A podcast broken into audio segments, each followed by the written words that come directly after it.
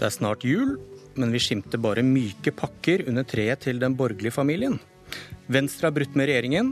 Hele det borgerlige samarbeidet kneler. Men kan Venstre skylde seg selv? Han har skjegg, men det er ikke nissen. Velkommen, Sveinung Rotevatn fra Venstre. Takk for det.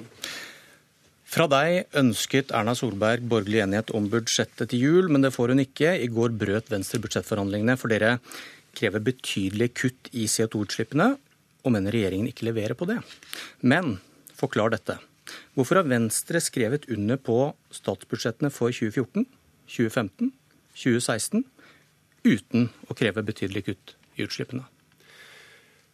Fordi vi i budsjetter for 2014, 2015 og 2016 fikk gjennomslag for mange viktige saker for Venstre, inkludert mange riktige, viktige miljøsaker. F.eks. det at vi tok igjen vedlikeholdsetterslepet på jernbane, bedre fordeler for miljøvennlige biler, mer penger til miljøforskning osv. osv.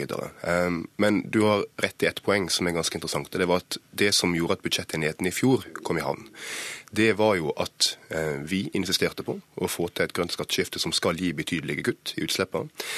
Regjeringa var veldig opptatt av at dette her må vi jobbe med framover. Vi må ha et år, vi må ta inn over oss Grønn skattekommisjon, og vi gikk med på det mot et løfte om at nå skal vi gjøre det i årets budsjett. Men jeg føler, jeg føler ikke at jeg fikk noe godt svar på det første spørsmålet. For hvis det er viktig å få ned kuttene raskt, hvorfor har dere ikke hatt et krav om nedgang i disse utslippene fra første budsjett?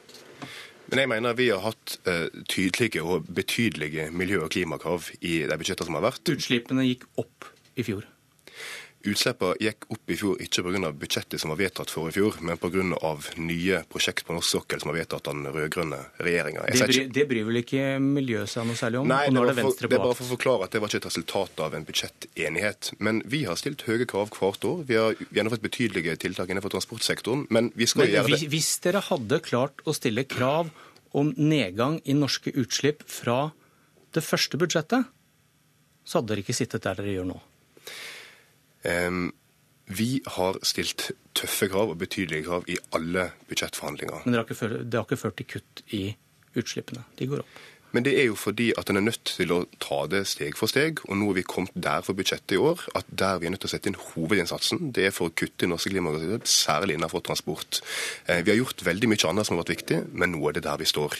Det, men for, for, tre år siden så ble dere da enige med regjeringen om å forsterke dette klimaforliket. Mm. Og det betød at dere måtte kutte mange tonn utslipp før 2020. Men igjen så skriver dere da under tre statsbudsjett på rad som undergrave det løftet dere selv ga i samarbeidsavtalen. Det skulle forsterke klimaforliket. Nei, jeg er ikke enig i den. for at Veldig mye av det vi har gjort i statsbudsjettet tidligere, har vært veldig viktig for å kutte i klimagassutslipp, ikke minst på sikt. Bl.a. en betydelig kollektiv- jernbanesatsing. Men så er det en del prosesser som har tatt litt tid. Blant annet har vi vært opptatt av å gjennomføre et grønt skatteskifte som har stått i sentrum nå. Da har det blitt satt ned en grønn skattekommisjon som har jobba, lagt fram en faglig god tilråding som vi skulle ta konsekvensen av i den budsjettforhandlinga som vi nå har stått midt oppi.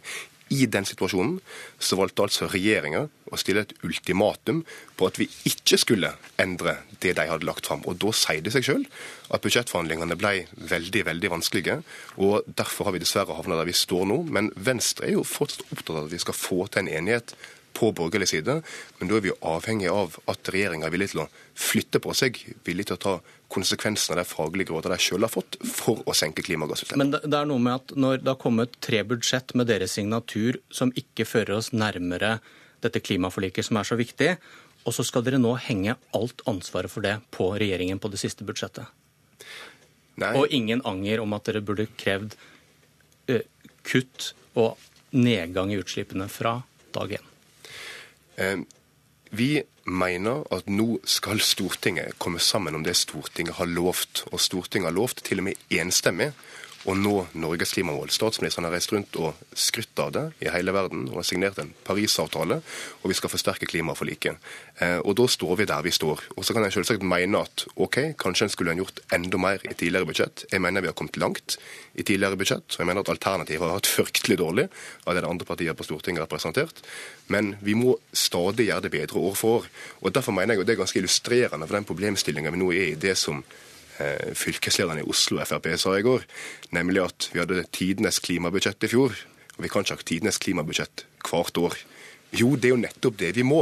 Fordi at vi må, øke, vi må kutte utslippene våre mer og mer for å komme i mål. Og det tar tid, men vi må holde et høyt tempo. Da må det faktisk være tidenes klimabudsjett hvert eneste år. Ja, Så får vi strides om de tre første var det. Eh, de andre borgerlige partiene, vi har eh, mange vriene spørsmål til dem også, men Høyre, Frp og KrF ville ikke, eller kunne ikke komme til Politisk kvarter. Men velkommen Rasmus Hansson fra Miljøpartiet De Grønne. Takk. Eh, er dette her, som vi begynte med nå, en illustrasjon på små miljøpartiers begrensede makt? Det er en illustrasjon på at det er en tøff jobb å forsøke å drive miljøpolitikk eh, i et Norge med to store partier, Høyre og Arbeiderpartiet, som eh, i utgangspunktet er veldig lite interessert i å gjøre endringer og gjennomføre et grønt skifte. og Derfor har vi jo respekt for at eh, Venstre prøver på sitt vis. Men vi mener jo at den situasjonen som har oppstått nå, eh, for vårt vedkommende gjør oss enda tryggere på at eh, det er veldig viktig å være uavhengig av de store blokkene, eh, og framfor alt ikke gi bort det viktigste forhandlingskortet sitt først. Altså ikke først melde seg på blokk X eller blokk Y, slik at Høyre eller Arbeiderpartiet er sikre på at du har deg i lomma, og så etterpå stille krav. Eh, for Miljøpartiet De Grønne så, så understreker den situasjonen som vi har i dag, det samme som den rød-grønne regjeringshistorien understreket. Man må, eh, for å få gjennomført eh, virkelige, en virkelig god miljøpolitikk, et virkelig grønt skifte, få banka fast kravene og forpliktelsene om utslippskutt, om et grønt skifte, om en satsing på naturen, om en skikkelig eh, overgang fra oljeøkonomi til grønn økonomi, det må man få gjennomført eh, i samarbeidsavtalen når man starter. Det har, til, det har, vi fått til, i Oslo. Der har det funka med Arbeiderpartiet. Og vi tror at det er veien å gå. Og vi har ett godt eksempel i norsk politikk som Venstre har ære for. Og det er eh, Lofoten og Vesterålen, som vi nå er i ferd med å, vinne, for Arbeiderpartiet er i ferd med å gi seg. Der har alle eh, de eh, grønne partiene på begge sider vært helt klare på at det blir ikke noe utbygging, utbygging av Lofoten og Vesterålen. Den kampen vinner vi fordi det har vært et absolutt krav som uh, de store partiene har visst om fra før av. Det kan vi gjøre med mye mer. Vi kan gjøre det med utslippskuttene, og vi kan gjøre det med naturen, og vi kan gjøre det med andre ting. Hvor langt følger du Johanssons resonnementer her, Rotevatn? Du, Jeg har registrert at MDG har følt et behov for å drive og kritisere Venstre gjennom denne budsjettprosessen, her, selv om vi står på for miljøet eh, mot regjeringa. Det syns jeg er litt rart, men jeg har ikke noe voldsomt behov for å krangle med MDG, verken om deres strategi eller, eller vår strategi. Eh, men jeg vil jo si at vi stilte jo tydelige miljø- og klimakrav da vi satt og forhandla om Nydalen-avtalen med Høyre, Frp og KrF. Han som nevnte selv Lofoten, Vesterålen og Senja. Men vi har jo også fått med regjeringa på å forplikte seg til å kutte 40% i løpet av 2030, forsterke klimaforliket eh, før 2020. Vi vet at det er ambisiøs klimamelding. Ja, vi har til og med vedtatt eh, å gjøre en rekke grep på skatte- og avgiftsområdet som har vært uhyre kontroversielle. Det er nok å bare nevne flyseteavgifter fra i fjor, at vi har økt mineraloljeavgifter osv. Poenget men, men, men, poenget, poenget er at når, eh, når Siv Jensen sier nei til deg, så vil ikke du snu deg mot Jonas Gahr Støre og se hva du kan få til der. Um, jeg tror det er viktig å være klar over hvordan styrkeforholdene på Stortinget er. Um, det finnes ikke noe budsjettflertall på Stortinget uten at enten Høyre, Frp eller KrF er med på det. Eh, og Det hjelper ikke hva Jonas Gahr Støre og Arbeiderpartiet vil. og Jeg registrerer for øvrig at det de har lagt fram som alternativt budsjett, er svært svakt eh, på klimaområdet. Men, er, er det, det, er jo interessant. Er det Arbeiderpartiet la fram i sitt alternative budsjett, et dårligere klimabudsjett enn det tilbudet dere har fått fra regjeringen nå? Jeg tror nok at Det tilbudet vi har fått fra regjeringa nå, det, ja, det, er mulig det blir kjent på et eller annet tidspunkt, men det var i hvert fall ikke godt nok for oss. til at men vi kunne stå det. Var det bedre enn det Arbeiderpartiet kunne lagt på bordet? Nei, det vil jeg ikke kommentere. Det var ikke godt nok for oss. Og Arbeiderpartiet er ikke målestokken her. Det er viktig å huske på. For med Arbeiderpartiets budsjett så kommer vi ikke i mål verken ved 2020 eller 2030. Men, altså, nå, nå er jo, altså, poenget er jo nettopp at uh, Sveinung Rotevatn helt riktig henviser til maktforholdene på Stortinget. Uh, og da mener Miljøpartiet De Grønne, uh, og jeg overlater helt til Venstre å velge sin strategi, men Miljøpartiet De Grønne mener at da er det jo veldig viktig å forholde seg til at både Høyre og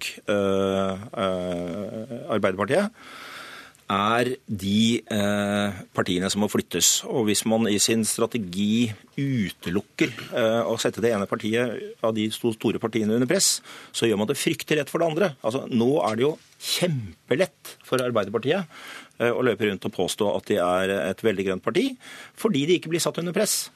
Eh, jeg tror det er veldig viktig at eh, de grønne partiene gjør som vi har gjort i Lofoten og Vesterålen-saken, eh, går sammen og stiller de samme høye og vesentlig høyere miljøkravene enn de som er blitt stilt hittil, til både Høyre og Arbeiderpartiet. Det er den eneste måten å røyke ut de partiene. Man får spørre deg med, med blank rustning, Rasmus Hansson.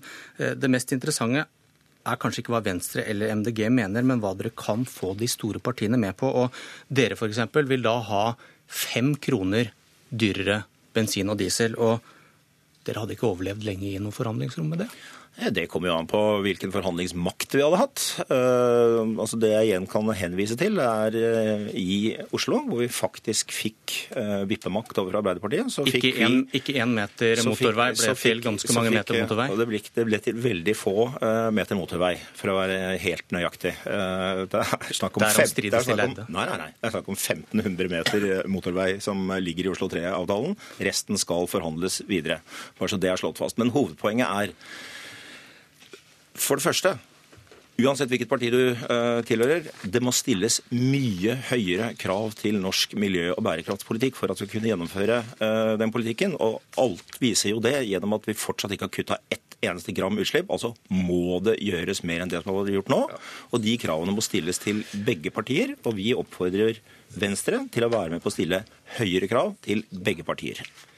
Du, jeg syns faktisk ikke Venstre stiller så høye krav i dette budsjettet. Vi har bare stilt ett krav. Det er at vi skal kutte i norske klimagassutslipp i tråd med det Stortinget har sagt. Vi skal faktisk ikke kutte ett gram mer CO2 enn det Erna Solberg sjøl har lova.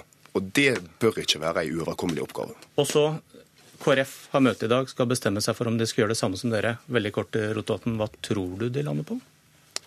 Eh, gitt KrFs historie som et parti som har vært opptatt av miljø, og at en statsminister som har gått av på den saken, så tror jeg jo at de er enige med oss i våre vurderinger.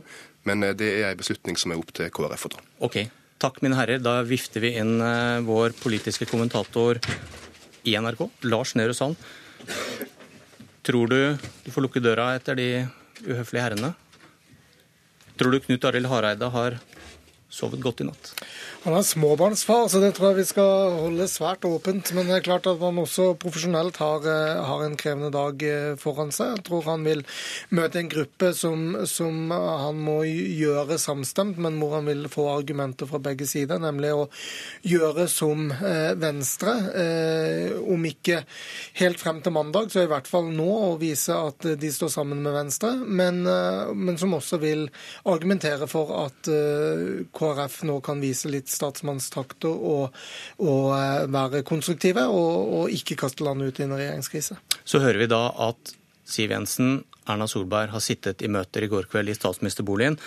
Men så hører vi da FrPs parlamentariske leder sa i går at de nå satser på å bli enige med KrF, for Venstre er ute.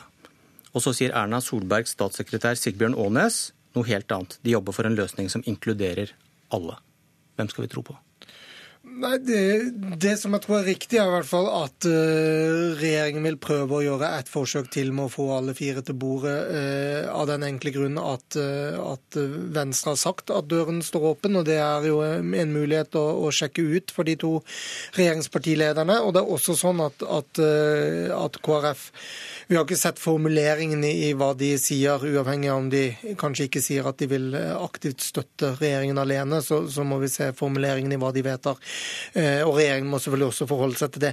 Men det er klart, det som eh, vi også må tenke på, er at regjeringen kan ikke la det bli stående som et inntrykk at man så bevisst fisker etter KrFs støtte, og, kanskje også tar den for gitt. Fordi det vil kunne virke så provoserende på KrF at det virker mot samarbeidets beste. Om noen timer så møtes KrF for å bestemme seg. Hva tror du de lander på? Har du noe inntrykk av det?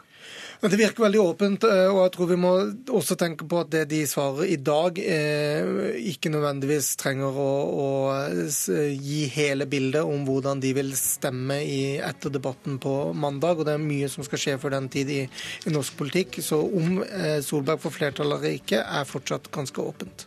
Takk, Lars Nehru Sand. Det var Politisk kvarter. Jeg heter Bjørn Myklebust.